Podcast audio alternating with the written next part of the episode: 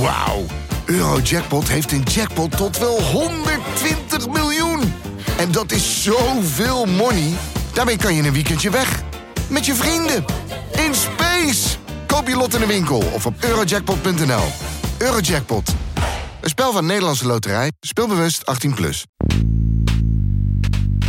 People say Nancy Pelosi is tough as nails.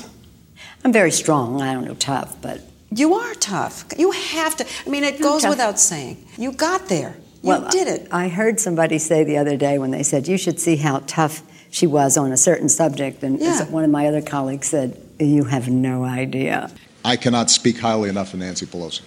She combines strong progressive values with just extraordinary political skill. And she does stuff that's tough, not just stuff that's easy. She'll cut your head off and you won't even know you're bleeding. That's all you need to know about her. Dit is Betrouwbare Bronnen met Jaap Jansen.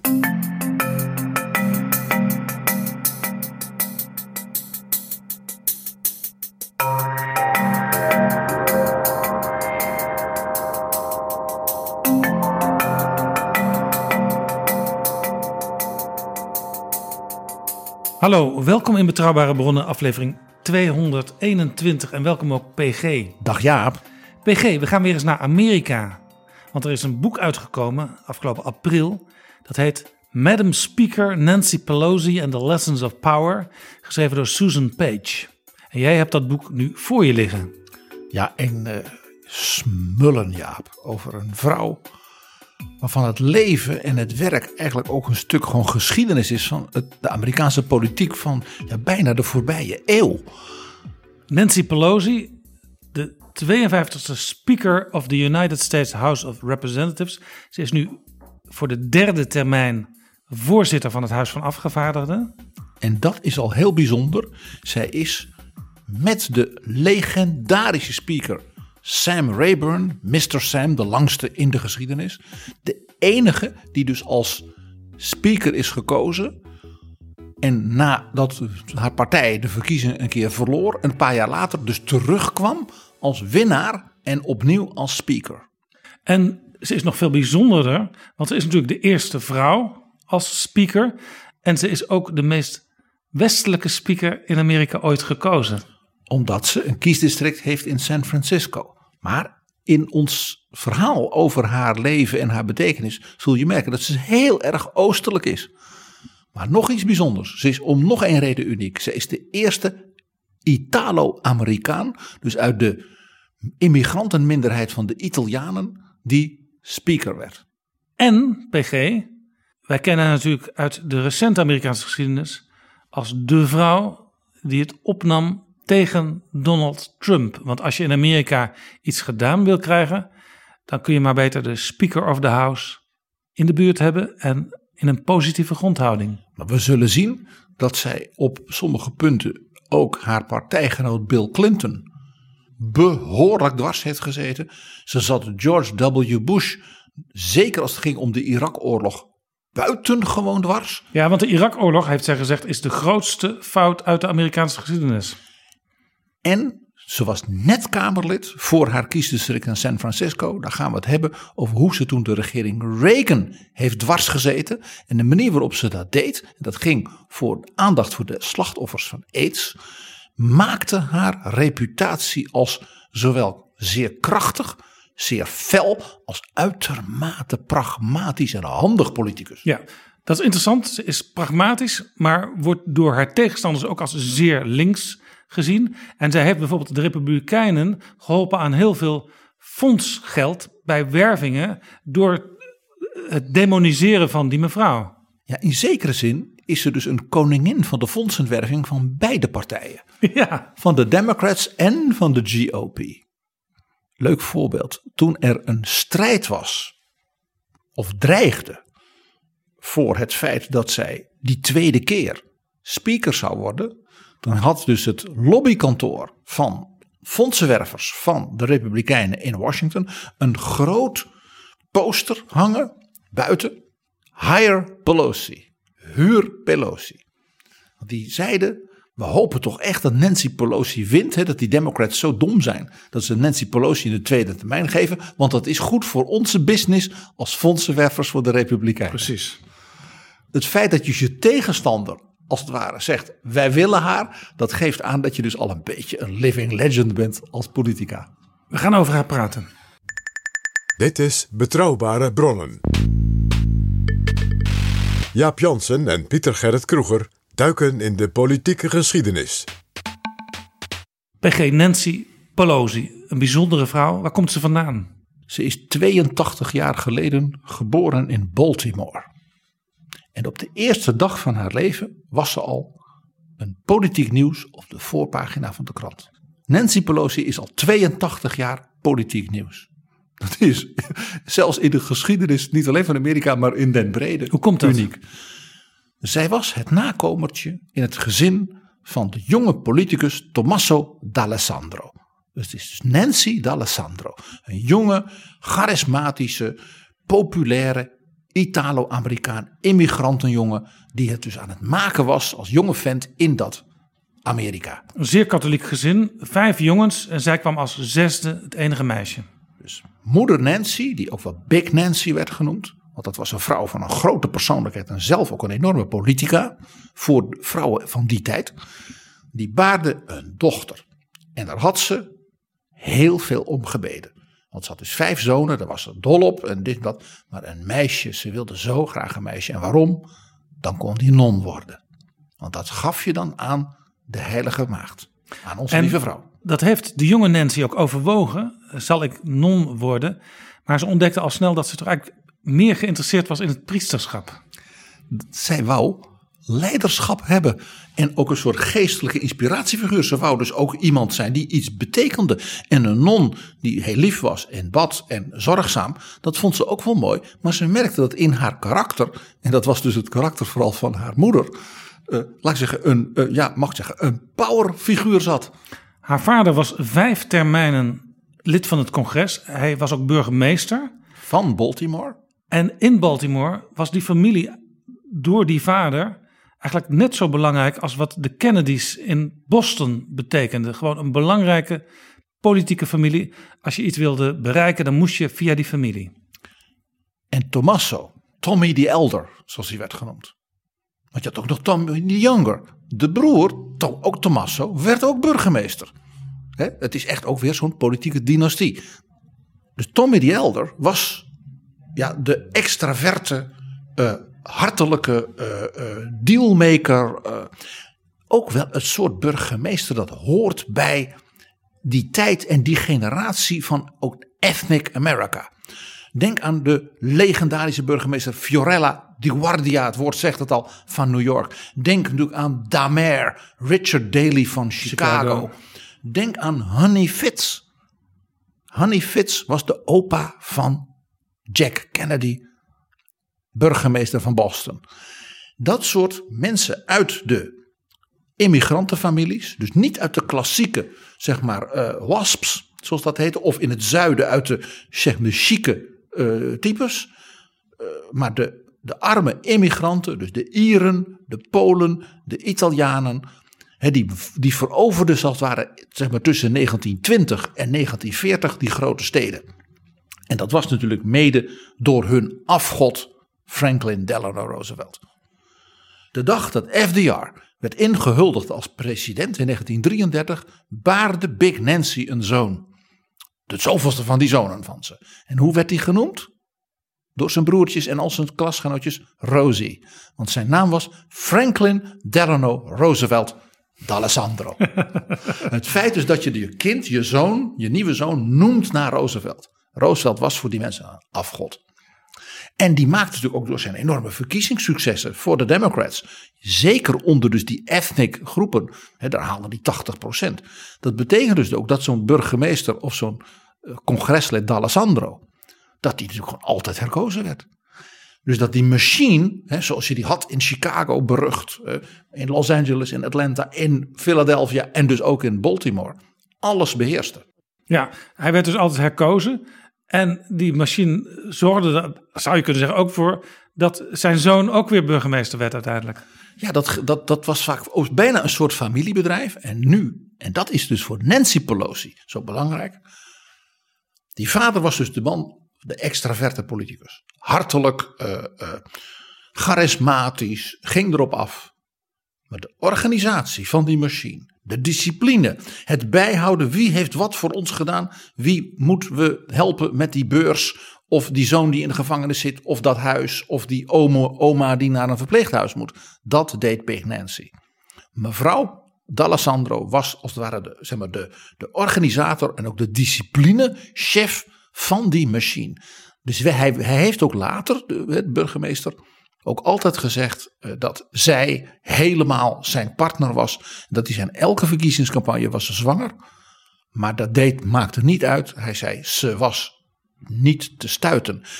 Dat element van die ongelofelijke drive en energie, daarvan denk je, nou, dat heeft die dochter misschien wel een klein beetje van die moeder meegekregen. And my mother was probably the biggest influence. My mother, gosh, in another time, Lord knows what she might have done because she was so great after having seven children, uh, being the mom, but also being my father's full partner in public service.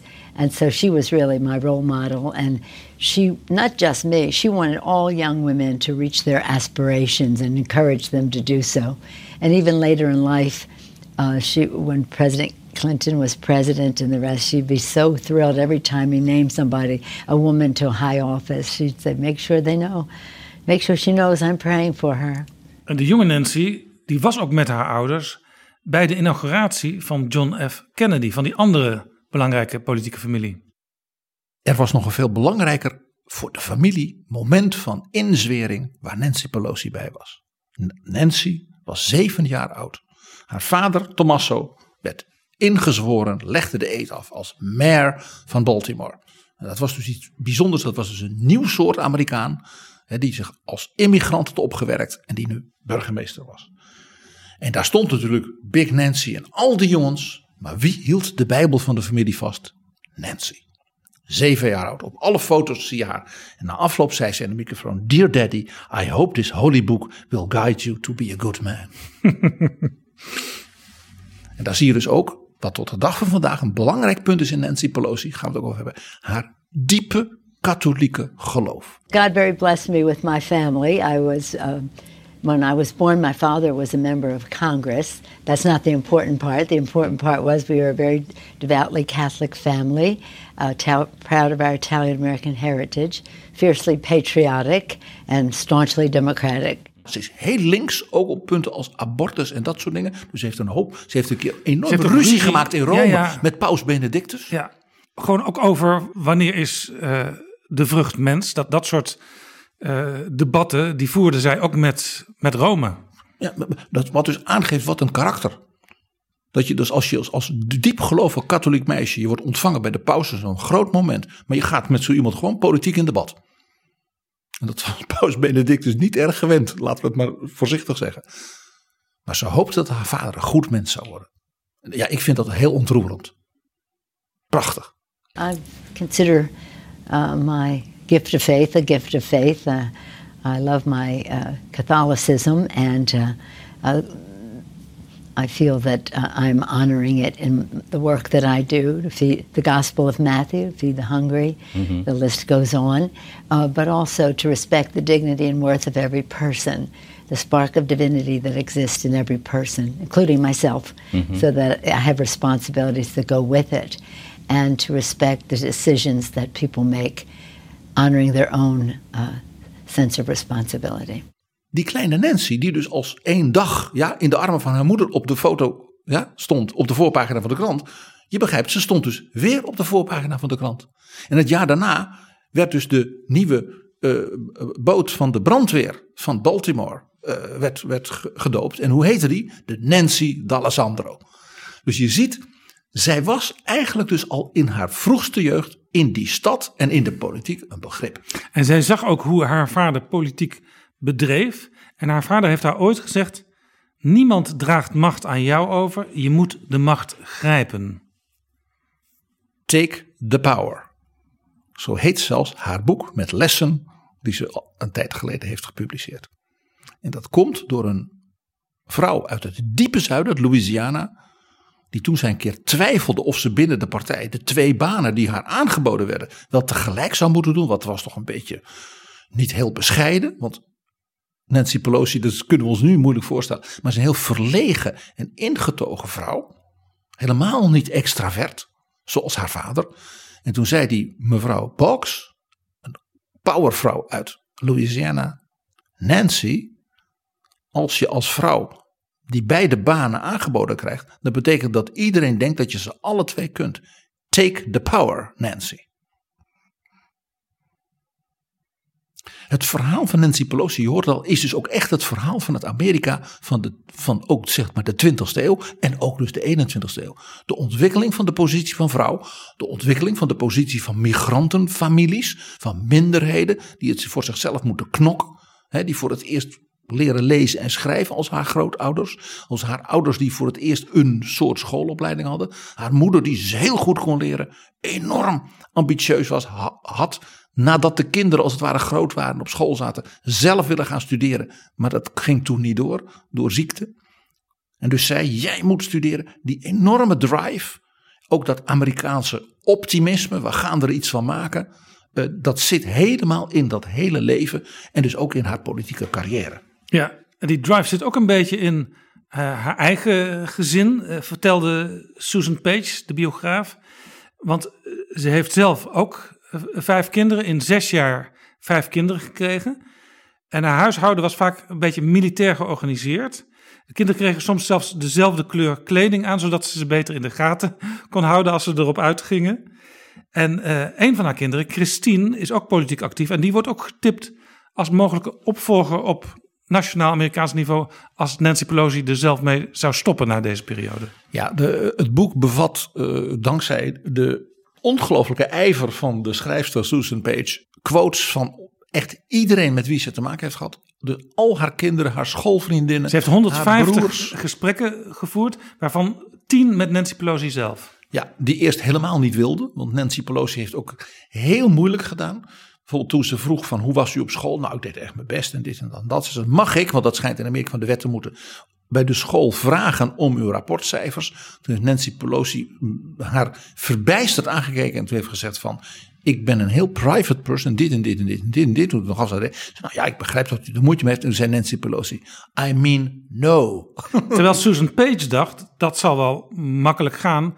Want Susan Page heeft ook de biografie van Barbara Bush geschreven. En daar vroeg ze hetzelfde aan. En daar kreeg ze ook al die schoolrapporten van. Die mocht ze inzien. Ze kreeg een keurig briefje voor het, het hoofd van de school. Van deze mevrouw mag dit allemaal inzien. Uh, waarschijnlijk is het allemaal niet erg positief wat ze zal aantreffen, maar ze mag het zien. Barbara Bush had lachend gezegd van, nou, dat zal niet, misschien niet in alle opzichten goed zijn voor mijn reputatie in dit boek. Typisch Barbara Bush die zelfspot. Als even een leuk dingetje. Ik zei al, de Alessandro's zijn dus een echte politieke dynastie. Het zal jou dus niet verbazen dat Nancy Pelosi een enorme warme band had met George Bush senior en Barbara Bush.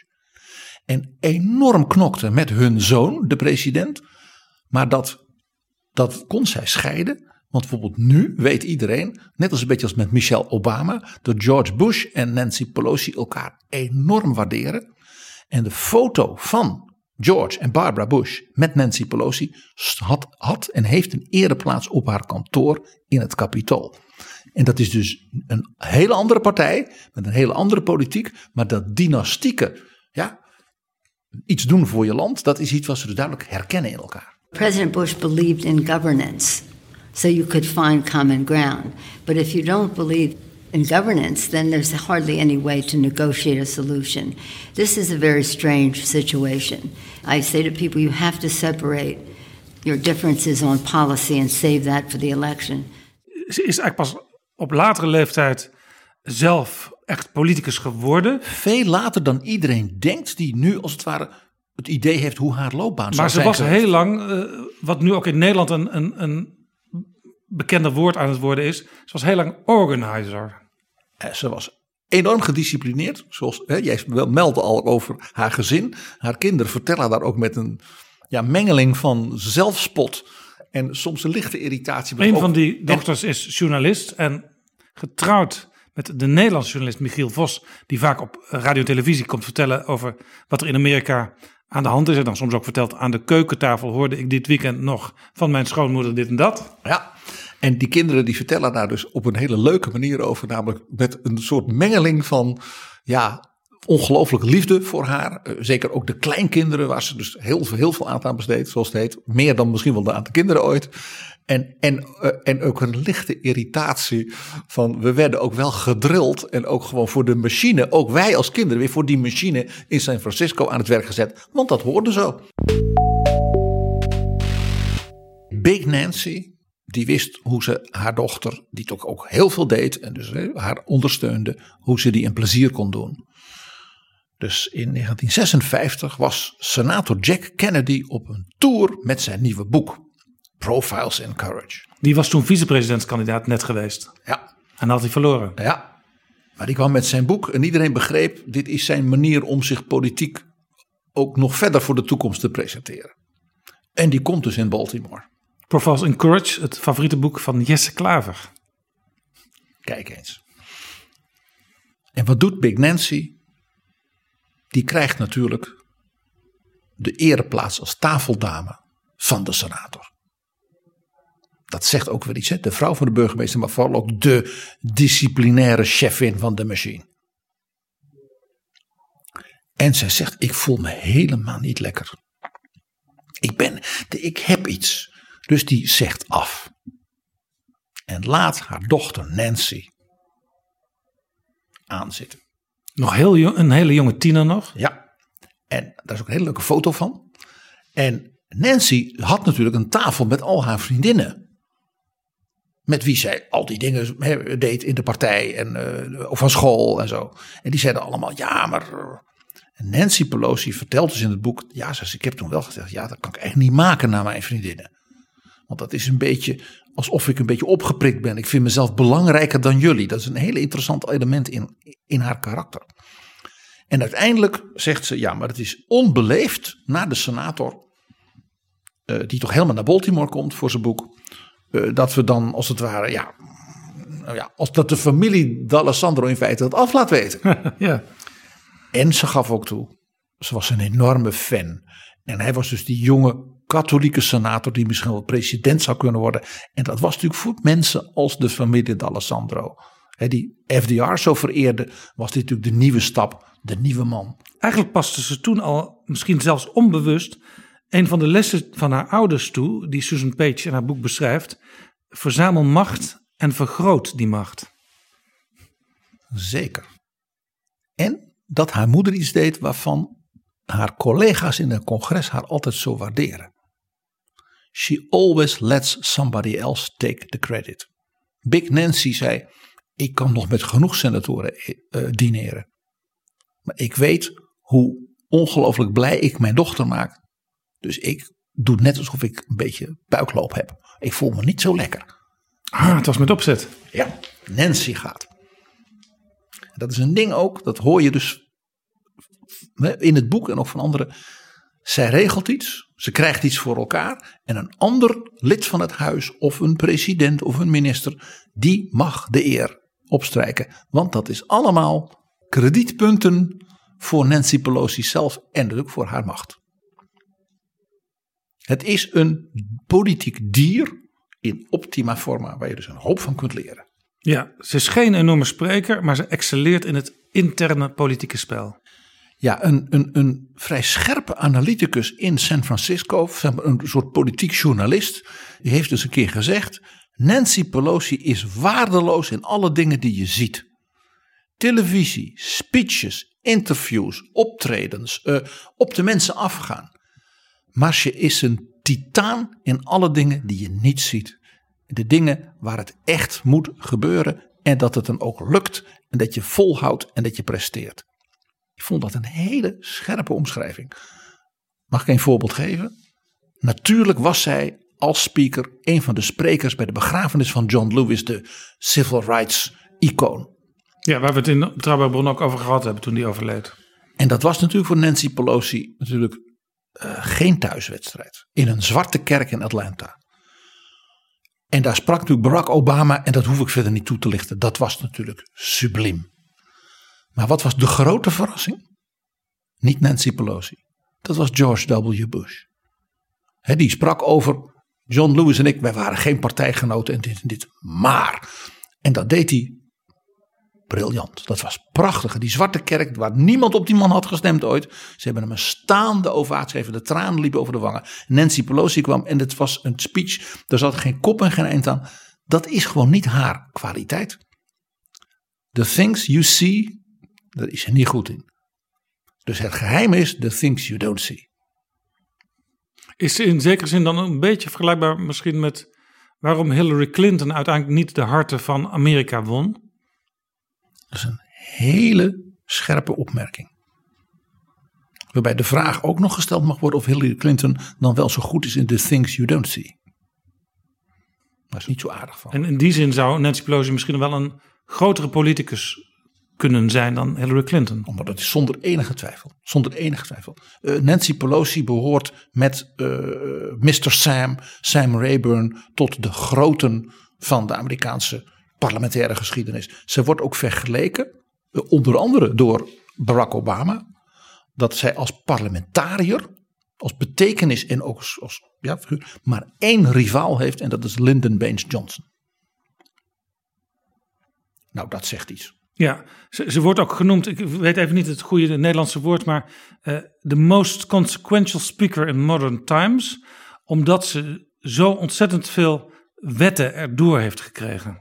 Nou, dat, dat dus, dat, he, consequential dus iemand met de meeste gevolgen, dus de meest, meest doortastende, effectieve uh, parlementair leider. En daarom dat ze dus wordt vergeleken, en terecht, met uh, LBJ. Ja, en zelf want we hadden het een tijdje geleden in Betrouwbare Bronnen met Jan Paternotte erbij over Joe Biden als uh, een nieuw soort LBJ in Amerika. En natuurlijk met heel veel ervaring in de Senaat en nu president. Zij zelf zegt, ik heb een hele goede relatie met Biden. Hij heeft zoveel ervaring op Capitol Hill. We kunnen met elkaar praten in steno. Dat is dus goud. En daar zegt ze nog iets mee dit is een hele chique manier om haar kritiek op Barack Obama te formuleren. Zij vond Barack Obama geweldig, ze vond hem als inspirator geweldig, maar ze vond hem te veel de law professor. De hoogleraar staatsrecht. Die zei: Dit zijn mijn argumenten en dus zijn jullie allemaal voor. Nancy Pelosi zei nee, je moet elke individueel Kamerlid weer bewerken. Hoe, wat betekent dat in jouw kiesdistrict? Wat kan ik voor jou betekenen? Jij hebt ons bij de vorige stemming in de steek gelaten. Als je dat nog één keer doet, ja. dan hangt er wat. Want zo, daar is ook heel goed in. En Obama, daar heeft ze dus bij alle bewondering als je goed door de regels doorleest, eigenlijk hele scherpe kritiek op. Hij was gewoon niet ijverig genoeg in het bewerken, en dus ook niet nederig genoeg in het bewerken van die senatoren. En met name ook van die gewone afgevaardigden in het huis, waar zij dus voor moest knokken. Ja, en zij zelf was enorm trots eh, toen de gezondheidswet erdoor kwam. Uh, maar ze heeft het Obama altijd kwalijk genomen dat hij haar de credits daar niet voor gaf. En in het boek maakt Obama dat trouwens wel goed. Ja, omdat hij dat weet inmiddels. Haar staf en haar, ja, haar supporters in het huis hebben toen het zover was. Dus allemaal pins gemaakt, typisch Amerikaans, met Pelosi Care. Want het compromis om er toch uit te komen binnen zowel de Democratische Partij als zelfs met een paar Republikeinen en wat dan niet. Dat, en ook de details, dus de enorme dossier-tijgerkennis van die wetgeving en hoe dat werkt, was in belangrijke mate het werk van Nancy Pelosi. En zij noemt dat ook zelf the greatest achievement in my political life. Hoe kwam het dat ze relatief laat de, de grote nationale politiek inging? Omdat ze als jong meisje na haar studie ging werken op het kapitool. En ze werd de soort, ja, de, de, de bureauchefin van een belangrijke senator. Waarvan dus onmiddellijk werd gezegd, she's a star. Charmant. Uh, uh, uh, het Italiaanse gaf dus de indruk dat ze extravert was, terwijl ze dat dus helemaal niet is. En ze wist precies bij elke bezoeker van die senator hoe ze die moest geruststellen. Welke ze vooral moest, snel moest wegwerken, die die niet wou zien. Dat kon ze allemaal. En ze kende waarschijnlijk ook de namen van partners, kinderen, et cetera. Ook dat is een punt wat men zegt. Niemand weet van elk kiesdistrict en elke vertegenwoordiger en zijn vrouw en zijn kinderen en waar die zoon studeert of waar die dochter zeg maar een handicap heeft of waar de opa, eh, ja, ze weet alles van die mensen. Ook daarin wordt, ze, wordt altijd gezegd, er is maar één iemand die dat zo goed wist, alles wist, LBJ. Ze, ze begon dus wel meteen in het hol van de leeuw. Maar ja, Jaap, de liefde. Ze kwam Paul Pelosi tegen. Paul Pelosi, ook zo'n Italiaanse immigrantenzoon uit een veel beter, zeg maar, minder arm milieu. Maar ja, zij was natuurlijk inmiddels de dochter van de burgemeester. Uh, en ja, hij ging in New York werken. En kon daarna een enorme baan krijgen in de financiële sector in Californië. En toen kwamen ze in San Francisco terecht. En toen kwamen ze in San Francisco terecht. En ik vind een prachtig detail in het boek dat zij zegt: we gaan met z'n tweeën. Ze hadden toen die vijf kinderen al in zes jaar. Ze zei, en we gaan daar ons gezin opvoeden en we gaan er iets moois van maken. Maar ik wil niet daar als het ware wegzinken in zeg maar, de plaatselijke dingen van de, de, de, de nette buurt van San Francisco. Dus ik wil maar één ding. Zij tegen de man. Een abonnement op de New York Times. En die moet alle dagen komen. Ik wil bijblijven. Ik wil lezen kunnen. Wat er gebeurt in de wereld. In de politiek. In de cultuur. In de economie. Toen zei hij nou darling. Dan houden we een abonnement op de New York Times. Ja. En ze ging, ging daar dus dingen organiseren. Ze werd op een gegeven moment ook voorzitter van de partij in Californië. Ja, want dat is dus het bijzondere. Ze is dus helemaal en dat is dus echt Baltimore. Dat is haar, zoals haar vader dus politiek omhoog kwam. Alleen heel jong was dat. Dat was, een, ja, zoals zij noemt, een phenomenal natural, noemde zij, ja. noemde ze haar vader. Ja, want haar echte politieke doorbraak kwam pas toen ze 46 was al. Ja. Maar ook hetzelfde pad. Gewoon plaatselijk actief, dingen organiseren. Nou, die kinderen, net als haar moeder deed, hè, allemaal aan het werk voor de partij. Bij haar thuis ontvangsten, fundraising. Ze zat op verzoek van de burgemeester van San Francisco. Meneer Joe Aliotto, een Italiaanse Amerikaan, je hoort het alweer. In de, het bestuur van de libraries van de stad. En daarmee bouwden ze dus een enorm netwerk op in het onderwijs, in het bedrijfsleven, bij de fundraising, de charities die geld organiseerde voor die libraries. En zo werd zij een sleutelfiguur in de civil society van die stad en de Democratische Partij. En ja, ze lieten haar dus uh, ja, rotklussen doen. Onder andere toen dus Ronald Reagan die verkiezingen zo won. En Jimmy Carter dus verwoestend werd verslagen in Californië lag die partij dus volstrekt op zijn gat, had heel veel zetels verloren. Ja, want Reagan kwam zelf uit Californië, was daar gouverneur geweest. En de partij was verscheurd. En ja, toen hebben ze Nancy Pelosi maar partijvoorzitter gemaakt. Ja. Om de zaak dus te reorganiseren. Dus niet om politiek grote ideeën. Reorganiseren, geld verzamelen. Mensen die de partij in de steek hadden gelaten een trap onder hun kont geven. Om er even zo te zeggen. Allemaal dingen waar ze erg goed in is. En veel democraten, ook Nancy Pelosi zelf, hadden in die tijd ook een beetje zo'n gedachte. Wat veel mensen later ook hadden toen, toen Trump kwam. Van deze man moeten we bestrijden. Die hoort, die hoort geen president te zijn. Maar ja, zij zat aan de westkust. En het interessante is, ze bleef dus heel erg ja, grounded, zoals de Amerikanen noemen. Geworteld in de omgeving.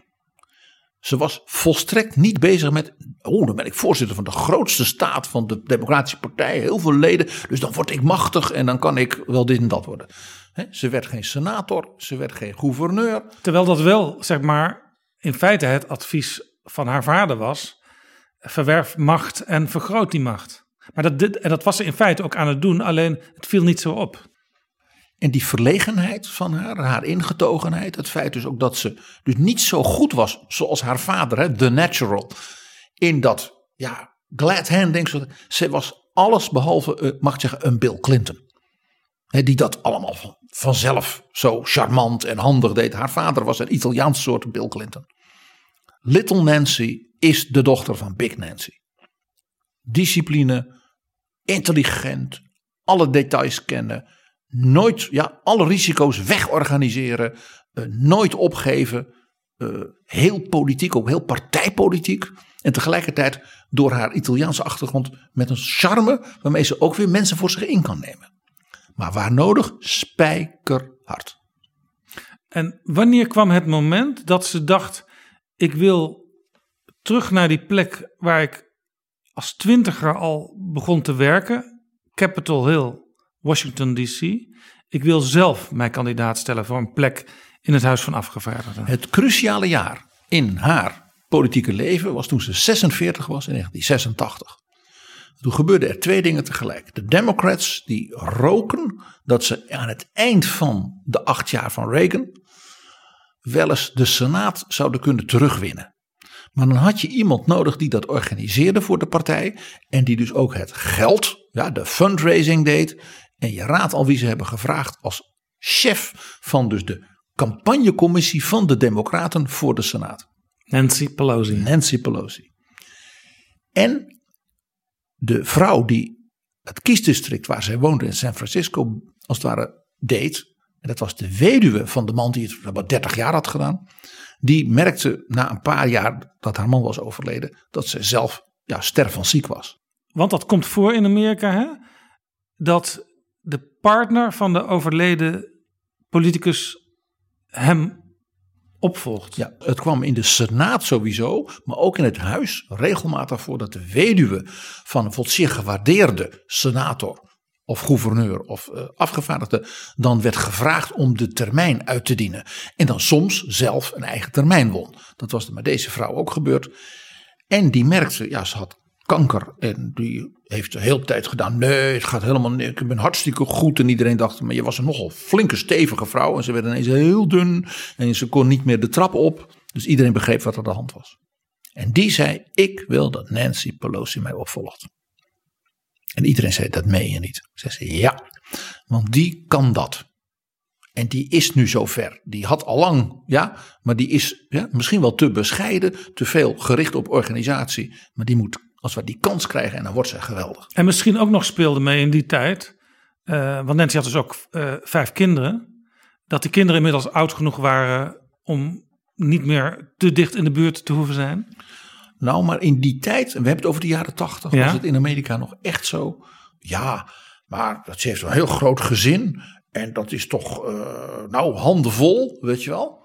Dus de, de partijbonzen, wat vaak mannen waren, die, die, die dachten dan niet eens aan haar. Absoluut niet. Een mooi voorbeeld. Het was een vrouw die aan haar dacht. Ja, en toen dus werd gezegd tegen uh, de mensen van het partijbestuur in San Francisco dat uh, deze mevrouw Pelosi wilde, dat toen Paul Pelosi allemaal complimentjes kreeg van partijbestuursleden. Wat leuk dat je dat gaat doen, hartstikke goed. Jij wordt een groot succes. En hij zei, waar hebben jullie het over?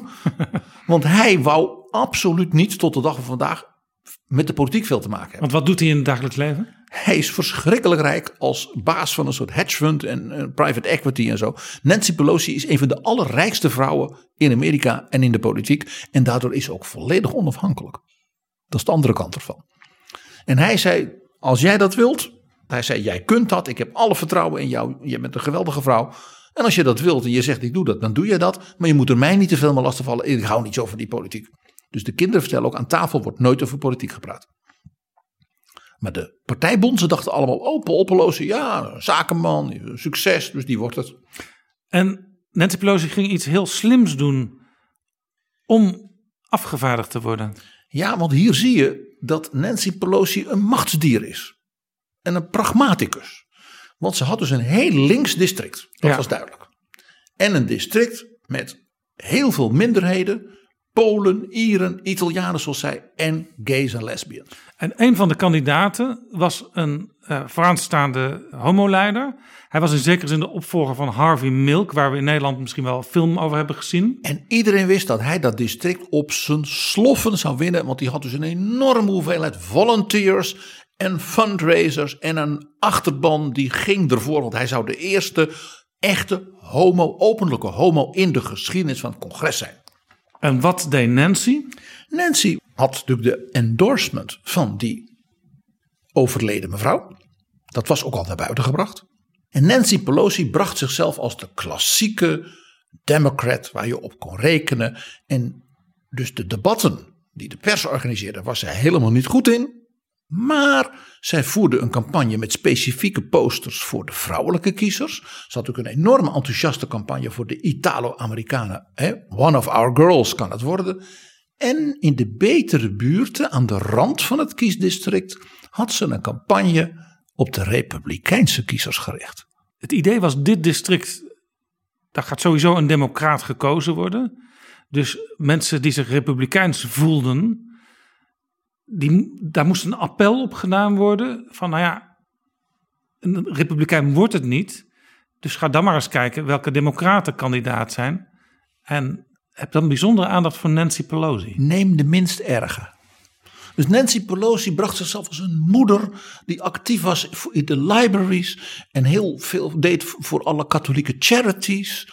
En ja, ze was helemaal niet, hè, ze was als ware een vrouw waar je, nou ja, die konden ze herkennen. En zo werd ze uiteindelijk met een aantal procenten verschil gekozen. Want dat ging natuurlijk in dit district om de voorverkiezing, echt Amerikaans, de primary van de Democratische Partij. En je mocht je als republikein dus laten overschrijven. Dat, is, kan in sommige districten, daar kon dat. En zo haalde zij zeg maar 5% republikeinen, waarschijnlijk vooral ook vrouwen, die zei een vrouw, hartstikke goed. En die haalde zij binnen en zo won zij met 36 tegen 32 procent. En het komische, en daar, daar blijkt weer haar politieke geslepenheid uit, is dat ze later, toen ze eenmaal echt in Washington actief was, juist ook veel aandacht eh, had voor gay-rechten.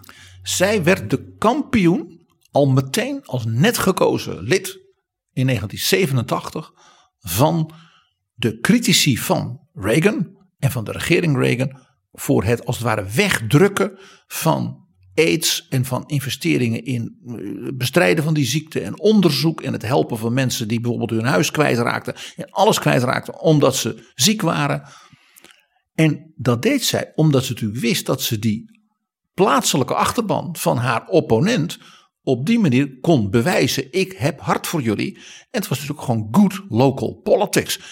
Dus hier zie je wat je bij Nancy Pelosi voortdurend ziet. Ze is pragmatisch, ze is machtsdriftig. Want dat, eh, die republikeinen binnenhalen is nou niet heel erg, zeg maar, partijpolitiek en ideologisch niet heel erg chic. Maar ja, you want to win. Ja? Maar dan ga je wel voor de kiezers waar je voor staat enorm je best doen. En daar zie je dus Big Nancy weer terugkomen in, eh, in de dochter. Organiseren, aanpakken, discipline. En een prachtig verhaal, Jaap. Een van de eerste dingen die ze kreeg was natuurlijk dat haar homo-achterban zei: Wij willen in Washington dat enorme kleed, die quilt voor alle slachtoffers ter herinnering als een soort nationaal gebeuren. Dat zag je toen echt overal in Amerika. Quilts, dus eh, een soort patchwork wandkleden, die ook neergelegd werden op, op, op, bij grote demonstraties en zo. Als herinnering aan de al overleden AIDS-slachtoffers. Dus een soort portretten met mensen, hun leven, met hun levensverhaal, hun lievelingsbloemen. Nou, vul maar in. Nancy Pelosi zei tegen haar staf, een heleboel homo-jongens natuurlijk uit San Francisco, quilts, is er iemand die zoiets doet? Dan kon je zien de typische Italiaanse vrouw uit de toch wat chicere omgeving, quilten. Ja, dat, dus haar werd uitgelegd, ja, dat doen mensen. Oh, nou, willen jullie dat? Ja. Ja, we hebben alleen een probleem. De National Park Service, van het ministerie van Binnenlandse Zaken van Reagan, die zei: mag niet. De mall in Washington, die, eh, dat, dat, enorme grasveld hè, tussen de, het Capitool en eh, de, de, de, die, die, grote obelisk voor Washington en dan het Lincoln Monument, dat, kan niet. Waarom Nancy Pelosi zoiets had, oh, denken ze dat. Dus zij ging overleggen met de National Park Service. En daar zag je ook weer die fascinerende eh, pragmatiek van Nancy Pelosi. Want die zei: Ik neem toch aan dat de regering Reagan en de National Park Service niet deze prachtige actie blokkeert omdat u iets hebt tegen die verdrietige families en vrienden van al die gestorven Ja, aidsslachtoffers. om oneigenlijke redenen dus. Nee, nee, nee, nee. Nee, maar iedereen wist ook dat Reagan het woord aids zelfs niet wou uitspreken. En dat Nancy Reagan het ook allemaal niks vond. Dus Nancy Reagan zei, maar wat is nou het bezwaar? Nou, zeiden ze, de Park Service, we hebben een, ja, een, een- tuinbouwbezwaar. eh, elk jaar vanwege het ontzettende hete weer in eh, Washington en die ontzettende koude zomers, moet dus die hele grasvlakte opnieuw worden ingezaaid. En we hebben dat net gedaan en als dat kwilt erop komt liggen, gaan ze allemaal dood. Dus het kan niet. Maar we hebben een hoekje bedacht, dat is toch helemaal verdroogd. Dat, ja, dat, dat valt ook niet meer in te zaaien. Eh, daar mogen wel wat dingen liggen. Nou, zei Nancy Pelosi, dat eh, lijkt me niet.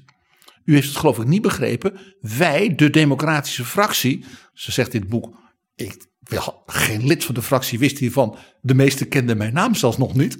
Dus, maar ik heb gewoon gezegd, wij van de democratische fractie, wij willen dit. En de National Park Service heeft maar te gehoorzamen. Ja, ja, ja, maar die... Ze, ja. Waarop Nancy Pelosi ter plekke de volgende truc bedacht.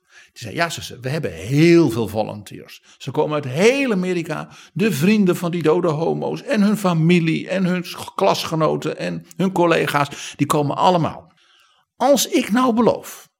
Dat ze om de 20 minuten. Dat kwilt een beetje optillen. En er zo mee wapperen. dan gaan toch die blaadjes niet dood. Waarop dus die mensen van de Parkservice zeggen: ja, ja, ja. Ik lees nu vooruit het boek, want het is dermate vermakelijk. Want omdat het dus haar pragmatiek, haar handigheid en dus haar gevoel van hoe ze die ambtenaren ja, onder druk moest zetten. En dat ze precies deden wat zij wil.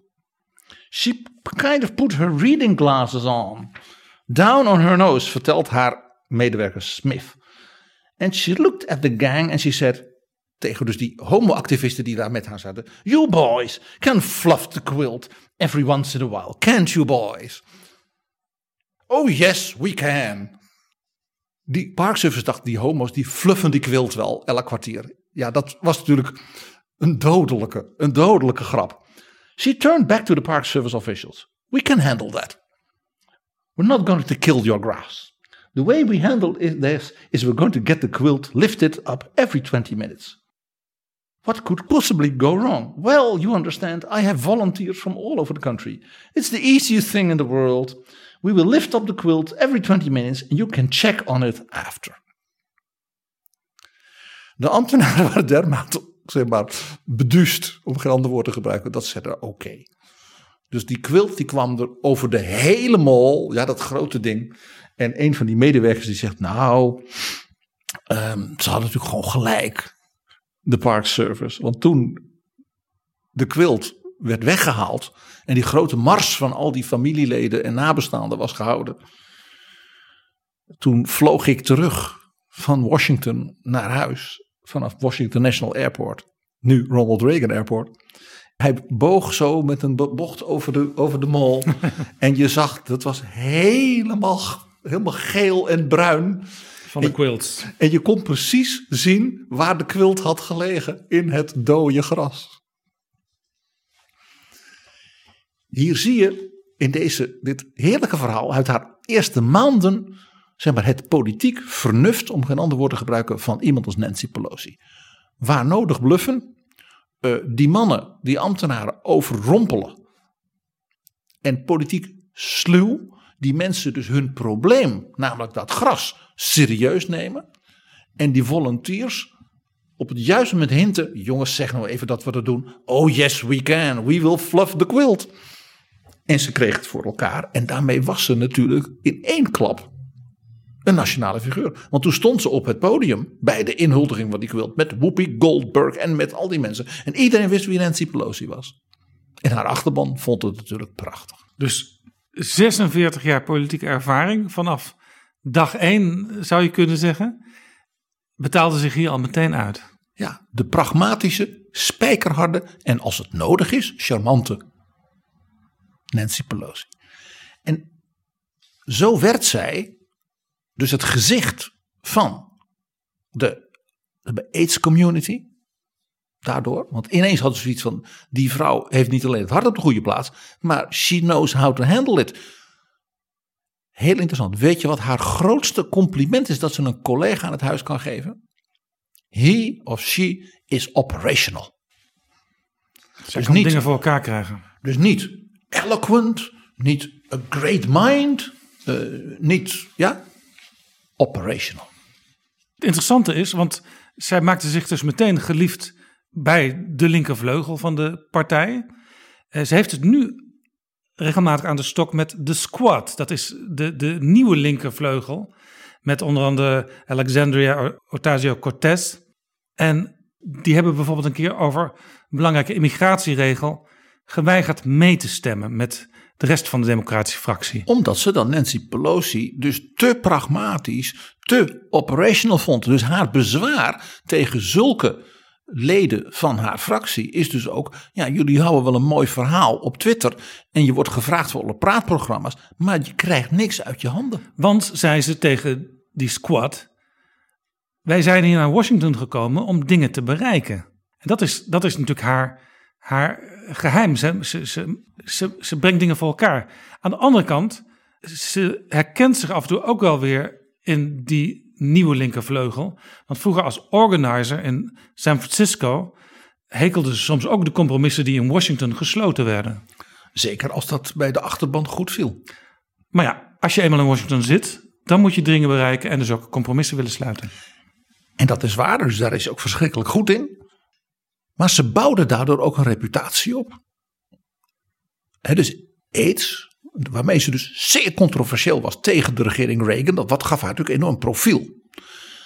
Maar toen Clinton president was, was zij dus niet een hele brave partijgenoot. Tuurlijk, ze steunde de president, maar er was één onderwerp waar ze Bill Clinton gewoon een slapjanus vond. Maar die niet opkwam voor waar Amerika voor stond, en dat was de mensenrechten in China. Tot de dag van vandaag behoort zij dus tot de scherpe mensen in Amerika als het gaat om de relatie met China. Ze heeft, ze heeft zichzelf met een, een banier in het Engels laten oppakken op het plein van de Hemelse Vrede. Met dus een spreuk tegen uh, uh, de onderdrukking daar en hoe die studenten werden aangepakt. Zij is dus een Amerikaanse politicus, toppoliticus, die opgepakt is op het plein van de Hemelse Vrede. En je begrijpt dat de minister van Buitenlandse Zaken en president Clinton daar niet op zaten te wachten op zo'n incident. Uh, wat je dan denkt Xiaoping moet uitleggen dat mevrouw Pelosi nu eenmaal een eigenwijze linkse uh, heks is. Hè? Ja, daar, daar, daar, zit je niet op te wachten, want je wil net een nieuw akkoord met hem sluiten. Ze was dus ook uiterst fel op uh, president Bush junior ten aanzien van Irak. He, ze heeft gewoon openlijk voortdurend geprobeerd als fractieleider. Ja, ik zei al, de grootste fout in de Amerikaanse politieke geschiedenis, heeft ze gezegd. Ja. En dat ze zei, ik kom met een wetsvoorstel om alle financiering van dus de uh, militaire ingrepen en de, dus gewoon af te kappen. Als de president niet wil stoppen, dan gaan wij het zelf stoppen via het budget. Dat is wel heel ja, Dit hard. is interessant. Dit soort politieke handigheden heb je ook gezien. Bijvoorbeeld in het Europees Parlement toen zijn macht probeerde te veroveren daar op de nationale regeringen en op de Europese Commissie. Toen zijn ze ook via de begroting dingen gaan aanpassen om hele andere dingen op andere beleidsterreinen gedaan te krijgen. En dat kun je dus in Amerika, in het Huis van Afgevaardigden ook doen. En dat maakt onder andere dus haar reputatie dat zij ieder detail van die begrotingsregels in de kop heeft zitten, om het zo te zeggen. En een staf heeft die, dat, die ze dus heel scherp houdt op dat terrein omdat ze zegt, de power of the purse, zoals dat zo mooi heet. Dat is de echte macht die je hebt als uh, Huis van Afgevaardigden. Vergeet niet, de begroting in Amerika wordt niet gemaakt door de president. De president mag een voorstel doen en dat indienen bij het huis. Dat is meestal DOA, Dead on Arrival. Want het huis doet het zelf. Een speaker die dus zelf die begroting tot in de details kent. En natuurlijk dat al nou ja, 40 jaar doet. Zoals speaker Sam Rayburn, die daar ook zo beroemd om was, die is dus oppermachtig en kan dus ook zowel straffen in het huis naar afgevaardigden die bijvoorbeeld een leuk dingetje willen voor hun district. Maar ja, dan had je maar loyaal moeten zijn bij punt X of Y. En belonen van ik wil die jonge ster van onze partij een kans geven. Zoals LBJ dus door Sam Rayburn als jong politicus altijd werd gesteund in opdracht van FDR. Nou, dus Nancy Pelosi is in dat opzicht ook weer, je hoort het alweer, een hele klassieke speaker. Ze staat dus in de traditie van FDR, Sam Rayburn, LBJ. Hoe modern ze dus ook is in heel veel dingen. Maar haar kracht is dus dat ze, en dat heeft ze dus echt van huis uit, hè, 82 jaar geleden, meegekregen how it works. Bijvoorbeeld, zij zegt bij nederlagen, hè, dan is iedereen huilen en dit en dat. Wat zegt Nancy Nancy Pelosi dan? Don't agonize, organize. En bij een overwinning, dan wordt er feest gevierd, tuurlijk. Wat zegt ze de volgende ochtend tegen haar staf en tegen iedereen? Dan kijkt ze ze heel streng aan. When you win, you work. Dus dat op de lauweren rusten, jezelf geweldig vinden de volgende ochtend.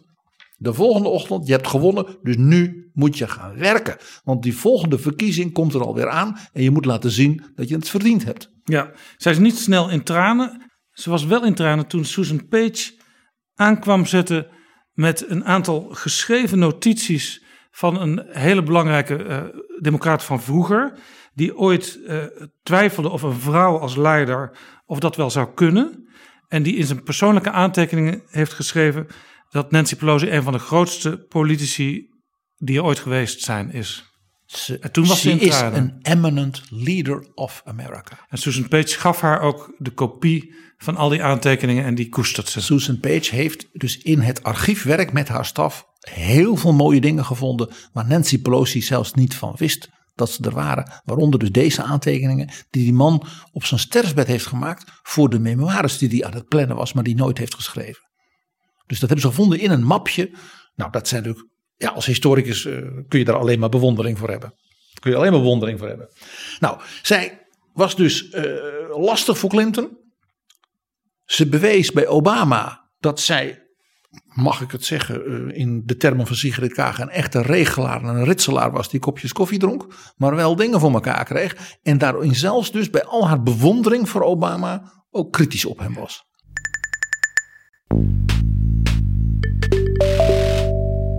Dit is Betrouwbare Bronnen met Jaap Jansen.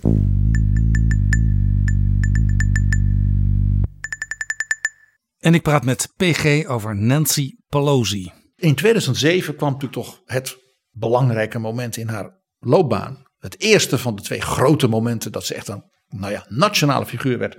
Zij werd de eerste vrouw, de eerste Italo-American die speaker werd. En zodra zij was gekozen had zij een erefunctie waardoor ze meteen voor heel Amerika in beeld was. En niet een beetje in beeld. President George W. Bush moest zijn State of the Union houden. En dat is een ritueel in de Amerikaanse geschiedenis. En dat is live op de televisie. En daar kijken 100 miljoen mensen. En het is dan de speaker die hem mag introduceren. En daar is altijd een soort vaste term voor. Een beetje zoals bij ons op Prinsjesdag. Daar moet je aan denken. Nancy Pelosi kondigt de president aan in de vaste, eervolle termen die dan een president krijgt. En Bush, die krijgt ook applaus en zegt dan: Thank you very much.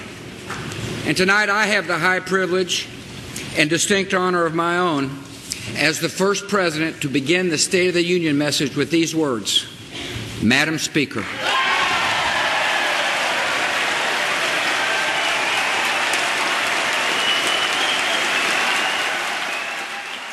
En president Bush deed toen nog iets. En daarmee zag je hoe dus de dynastie Bush ja, respect had voor die Italiaanse dynastie. dus die typische Oostkust-elite. Want president Bush zei toen. In his day, the late Congressman Thomas D'Alessandro Jr. from Baltimore, Maryland, saw Presidents Roosevelt and Truman at this rostrum. But nothing could compare with the sight of his only daughter Nancy presiding tonight as Speaker of the House of Representatives. Congratulations, Madam Speaker. En dat moment heeft uiteindelijk ook geleid tot de titel van dit boek, Madam Speaker. Met als ondertitel Nancy Pelosi and the Lessons of Power. Dat is natuurlijk van een president van een andere partij die ze zo bestreed. Ja, dat is chic, dat is klasse. En het grappige is, ik zei al, het respect is zelfs meer dan dat van de dynastie D'Alessandro voor de dynastie Bush kwam natuurlijk niet voor niks. Dat was een heel ander moment dan jaren later toen Donald Trump inmiddels president was. Ook een republikeinse president die zij bestreed als Bush. En zij, ook weer terug in die stoel, presideerde over die State of the Union. En dat moment herinneren veel mensen zich nog wel. Want toen Trump was uitgesproken, toen scheurde zij die hele tekst van de net uitgesproken jarenreden van de president doormidden in stukken. En heel openlijk en heel bijna agressief. Haar staf en ook veel van haar politieke vrienden zeggen ook in het boek: wij vonden dit niet gepast. Toch zegt zij daarover: ik deed het want he had shredded the truth. Hij heeft de waarheid verscheurd. Maar er is ook nog een andere verklaring, vertelt ze in het boek. Ik hoorde allerlei dingen in die speech waar ik het niet mee eens was. Gewoon pure onjuistheden. Fake news zouden we het nu noemen. En zij zocht naar een pen, maar ze had geen pen. En ze keek in het laadje onder haar desk. Daar lag ook geen pen. Dus wat deed ze? Ze maakte een scheurtje in het papier. En dan kon ze het later terugvinden. En uiteindelijk zaten er zoveel scheurtjes in. dat ze op het eind dacht: ach, weet je wat, ik scheur dat hele ding maar in stukken kapot. En die kritiek van haar eigen mensen heeft Susan Page haar ook voorgehouden van uh, Madam Speaker, dat was nou niet erg ja, uh, patriotisch. Uh, dat, he, u, u, benadrukt altijd zo, hè, zie ook bij Bush junior, hè, uw respect voor de president, ook al u het helemaal niet met hem eens bent. Ja, tough as nails, but gracious. Gracious, genteel, wordt ze zelfs genoemd. En toen heeft ze gezegd, oh dat mag zo zijn. Zij heeft ze tegen Susan Page gezegd met een stalen blik. But it felt liberating. Prachtig. de emotie dus ook weer. Hè, dus haar ingetogenheid, wat ik al zei. Haar bescheidenheid. Maar dat ze die emotie gewoon na zoveel jaar Trump niet meer kon inhouden op zo'n publiek moment. Daar speelt nog iets, Jaap. Het jaar daarvoor, bij diezelfde State of the Union. Zou zij natuurlijk doen wat ze altijd deed als speaker. Ja, members of Congress. En dan dus die eervolle aankondiging van de president. Trump gaat op het spreekgestoel te staan, kijkt niet eens naar haar en begint gewoon te spreken. Dat was natuurlijk in de, mag ik zeggen, de zeden hè, van hun Prinsjesdag een affront. Hij negeerde gewoon dat ze bestond, terwijl zij de gastvrouw was. Dus ze heeft toen dat jaar daarop, hè, waarbij ze aan het eind in haar woede dat verscheurde, heeft ze wraak genomen. Toen heeft ze dus die eervolle tekst gewoon niet uitgesproken. Het heeft ze gezegd: Members of Congress, the President of the United States. Hij noemde haar ooit een derde graads politicus. En toen zei Nancy: dan is hij vijfde graad. Zo dachten ze dus over elkaar. Bij de allereerste bijeenkomst van president Trump, dus de dag na zijn inzwering, deed hij iets.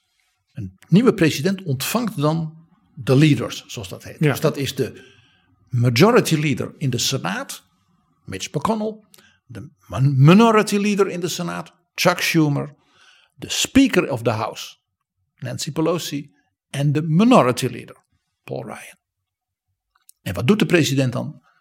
Die ontvangt hen op het Witte Huis. Daar zijn camera's bij. En dat gesprek heeft maar één bedoeling: nationale eenheid. Ja, er is een machtswisseling, maar het landsbestuur gaat door. En wij staan hier voor America. Dus de president citeert dan een geliefde voorganger. En als het een republikein is, dan is het Lincoln of Reagan. En als het een democrat is, dan is het natuurlijk FDR of Jefferson. En, uh, hè, en zegt dan uh, Nancy, hè, jij doet al zoveel jaar dit. Hè, uh, jij komt ook voor je kiesdistrict en je houdt van het huis en we gaan samenwerken. En dat hoort zo. En zij zeggen dat dan ook. En natuurlijk, partijpolitiek wordt er hier een klein puntje aangestipt. Maar je bent naar elkaar, zoals de Amerikanen zo mooi noemen, gracious. En je benadrukt dus unity. Wat doet Trump? Die begint te vertellen: ik heb gewonnen. En ik heb zelfs veel meer gewonnen, want er zijn miljoenen valse stemmen uitgegaan. En die begint dat hele verhaal tegen de leaders te doen. En Nancy Pelosi die keek en die zag dus Paul Ryan naar zijn schoenen kijken en Mitch McConnell naar het plafond. En die zag Chuck Schumer, nou ja, naar binnen. Ja. En Nancy Pelosi zeggen, die kerels die zeggen dus allemaal niks. Maar ik heb dit gedaan, zo'n gesprek met president Bush, met president Obama. Ik weet wat ik nu moet doen. En toen zei ze het volgende. Mr. President, what you're saying has no basis in truth, fact, data. There is no evidence to support what you said. En ze zegt, en die andere mannen, ze zeiden niks. These guys are like sinking in their chairs, zegt ze in het boek. Prachtig beeld. Wel, zei ze toen, we, dus wij de Democraten, Clinton, We beat you by 4 million votes. The reason I bring this up is that because our Republican colleagues will agree with me. Mooi, hè?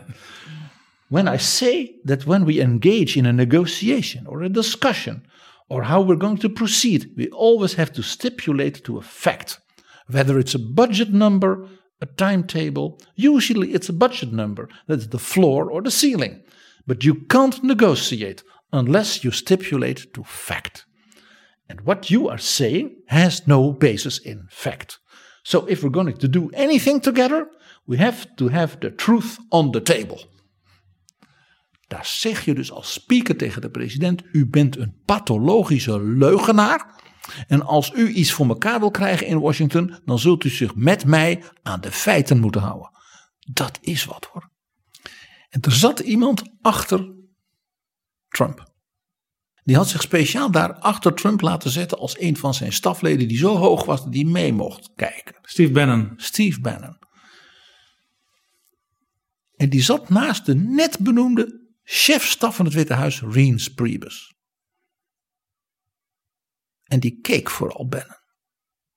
En die zei na dit moment, dit tegen Priebus. She's an assassin. She's going to get us. There's a big difference between the president and me. He has very thin skin, and I have very thick skin. Nancy Pelosi is ook de vrouw die tot twee keer toe een impeachmentprocedure tegen Trump heeft gestart. En die eerste heeft ze uitgesteld, uitgesteld, uitgesteld tot woede van de squad en van de, zeg maar, de Bernie Sanders en zeer het linkervleugel van haar fractie. Ze zei, ik ga dat niet doen, behalve als het absoluut niet anders kan vanwege de country.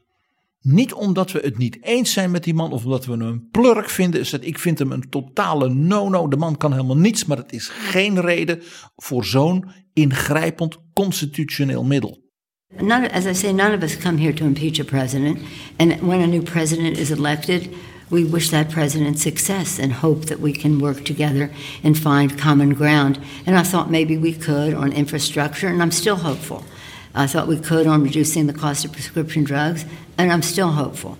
Cleaner government, which was the third leg of our stool of our campaign. Uh, cleaner government now, I don't think he's interested in that. But it is, uh, I mean, I'm, a, I'm the Speaker of the House. Art, uh, Article 1, the legislative branch. Article 2, the executive branch. Article 3, the judicial branch. Uh, and I have a responsibility to strengthen the institution in which I serve as I honor my oath of office. I also believe we have a responsibility to find common ground where we can, stand our ground where we can't. And uh, I had hoped that he would want it to be uh, able to find some common ground. Het was bovendien Donald Trump, of all people, die haar in 2008 op de televisie kritiseerde dat ze geen impeachment had gepleegd tegen George W. Bush.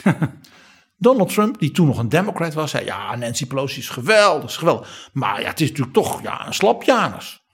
Ze had die Bush natuurlijk een impeachment moeten geven. Waarop Wolf Blitzer van CNN zei, een impeachment, Mr. Trump? For what? The war. That was a disaster. She should have impeached him for the war.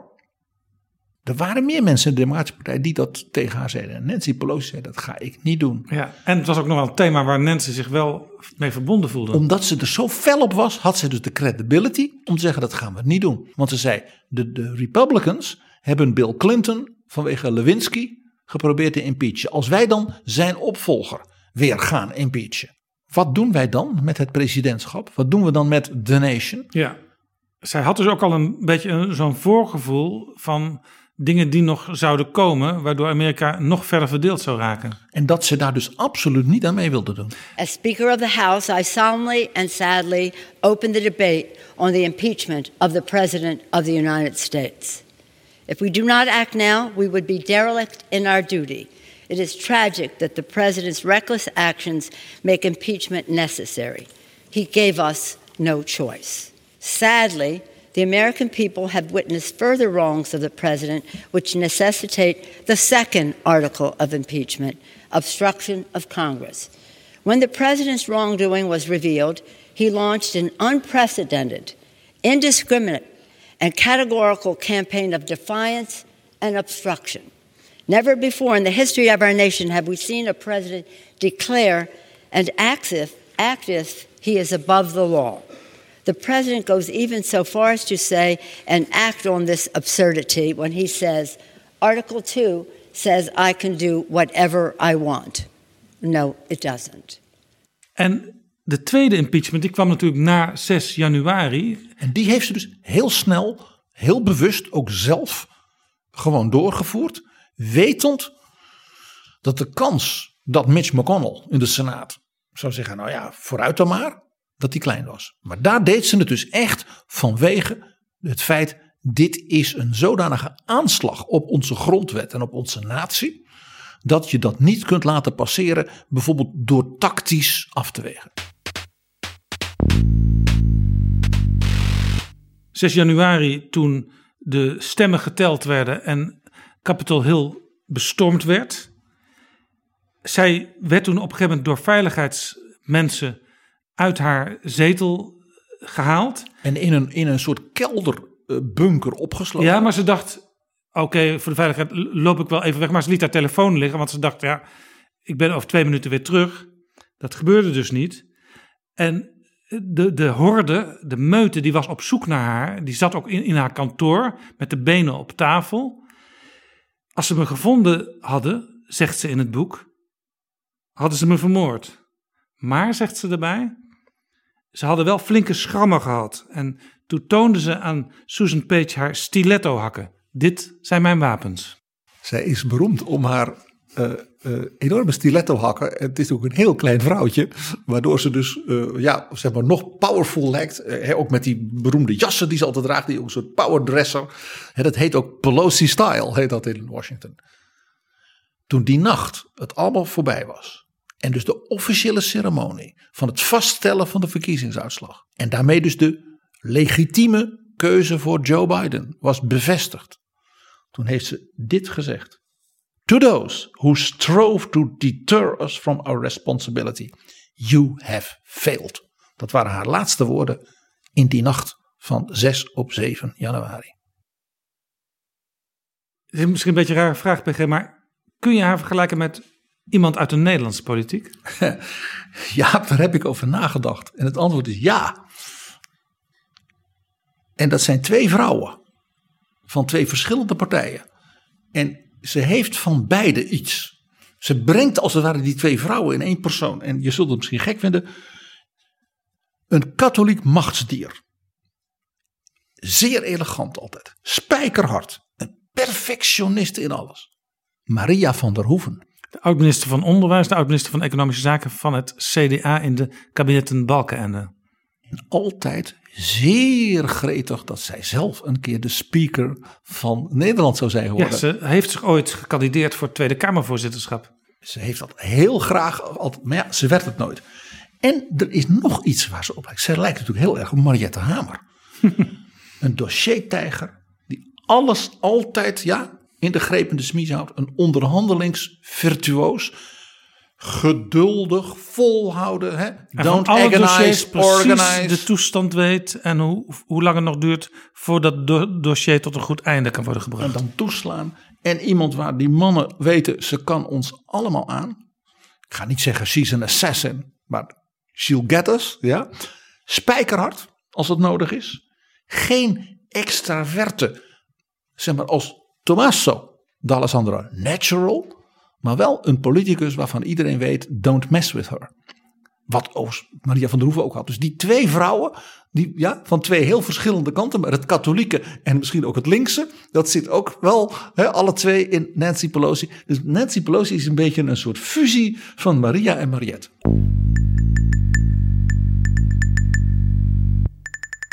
Ze was altijd gedisciplineerd, maar in het boek herinnert haar dochter Christine zich ook de wat wildere kant van haar moeder. In de keuken danste ze altijd op discomuziek en op liedjes van Cher.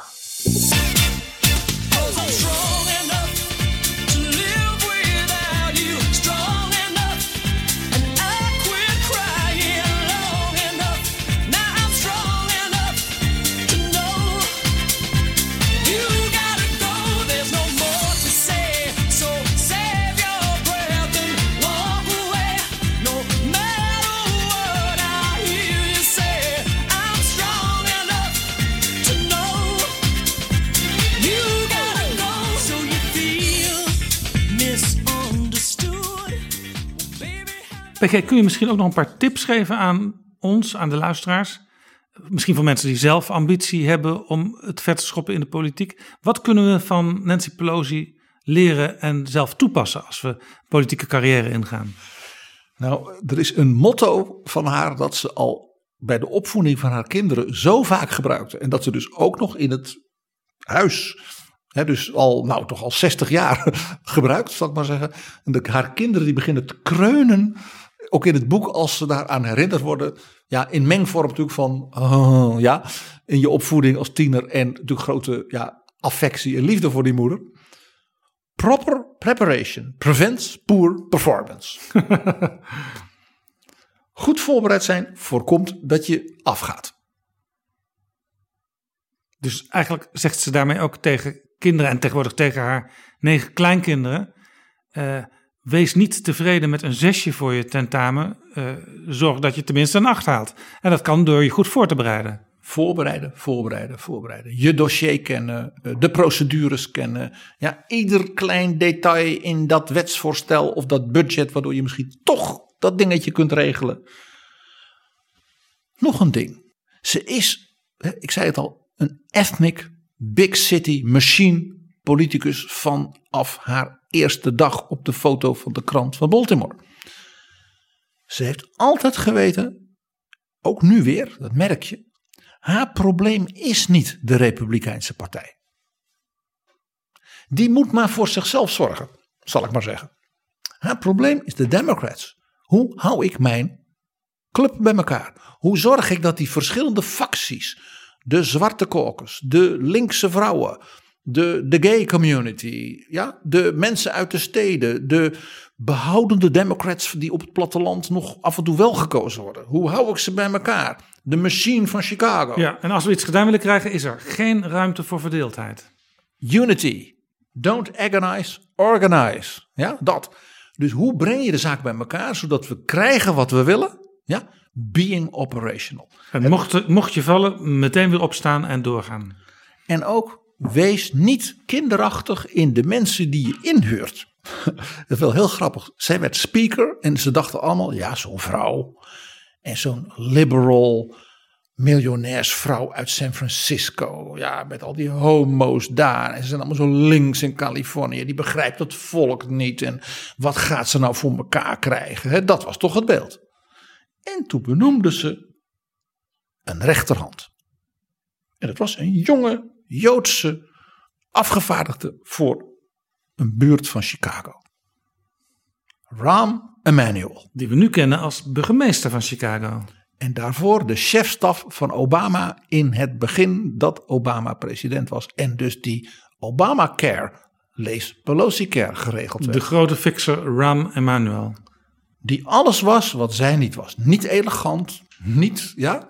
Hè, men zei altijd, om het woord valt het woord vak bij Rahm Emanuel. En Susan Page zegt, eh, niemand heeft ooit Nancy Pelosi, want het is een heel keurig katholiek meisje, één smerig woord horen zeggen in één van haar toespraken, gesprekken, telefoongesprekken of anderszins. Rahm Emanuel, maar dat accepteerde ze, want ze wist, zo'n go-getter heb ik nodig. Operational. Ze is pragmatisch, maar ook ideologisch. Het is uh, natuurlijk een linkse, liberal vrouw. En ze is natuurlijk ja, een kind van immigranten die zich opgewerkt hebben en kansen kregen dankzij FDR, dankzij Truman, dankzij LBJ. Dus in dat opzicht is zij ook een hele erge, uh, ja, gedreven figuur. En ook heel partijpolitiek.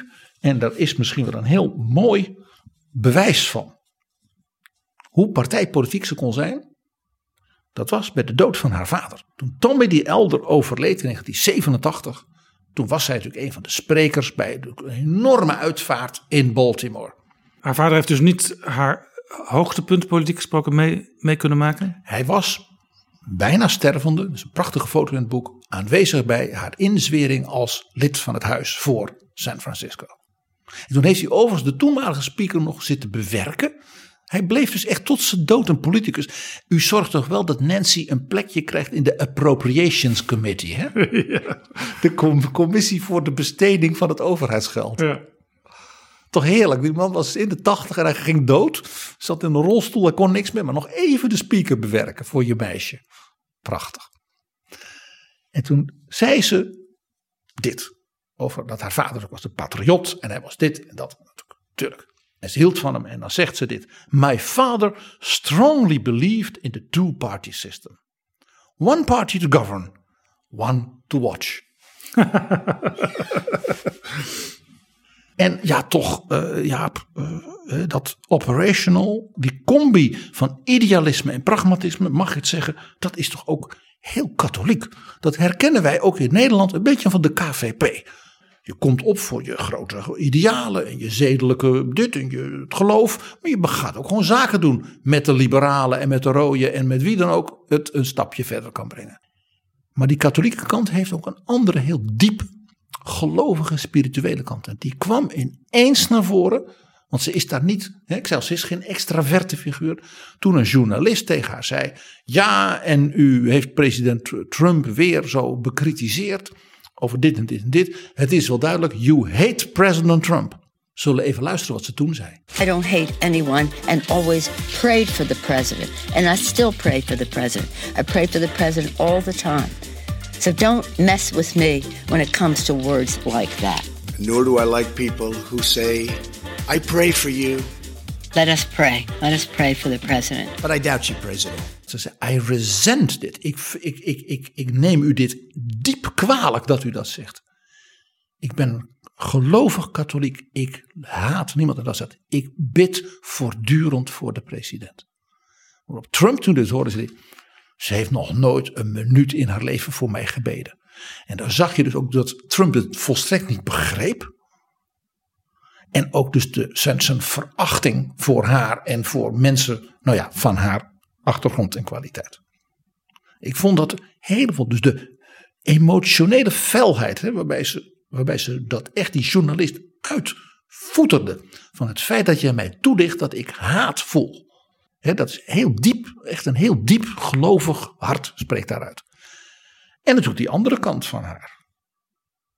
Ze is de kampioen fundraiser in de Amerikaanse politieke geschiedenis. Ja, in Amerika natuurlijk eh, het begin van alle politieke activiteit. Er moet geld op tafel.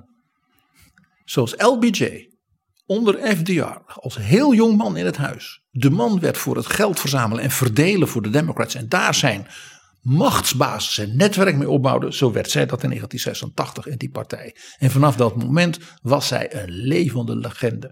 En ik lees nu voor hoe een van de bosses in Californië in wel zeer aards Amerikaans Engels haar beschreef over het feit dat ze er ook gewoon recht op had dat een vrouw die dat kan zo ver komt. She raised the fucking dough she ought to be able to get something for it. And because she is so genteel, they keep underestimating this fucking broad. Didn't get how goddamn tough she would be. Zult maar niet vertalen, Jaap. Ik vroeg PG of misschien ook tips konden zijn voor mensen die in Nederland een politieke carrière ambiëren. Maar ik hoor het al, Nancy Pelosi is zo uniek. Ja, ze is tot nu toe in elk geval in die voor ons toch korte Amerikaanse geschiedenis sinds 1776 de eerste en de enige. En ja, dat neemt niemand Nancy D'Alessandro, de dochter van Tommy the Elder en Big Nancy meer af. Dankjewel PG en lees dat boek van Susan Page, Madam Speaker, Nancy Pelosi and the Lessons of Power.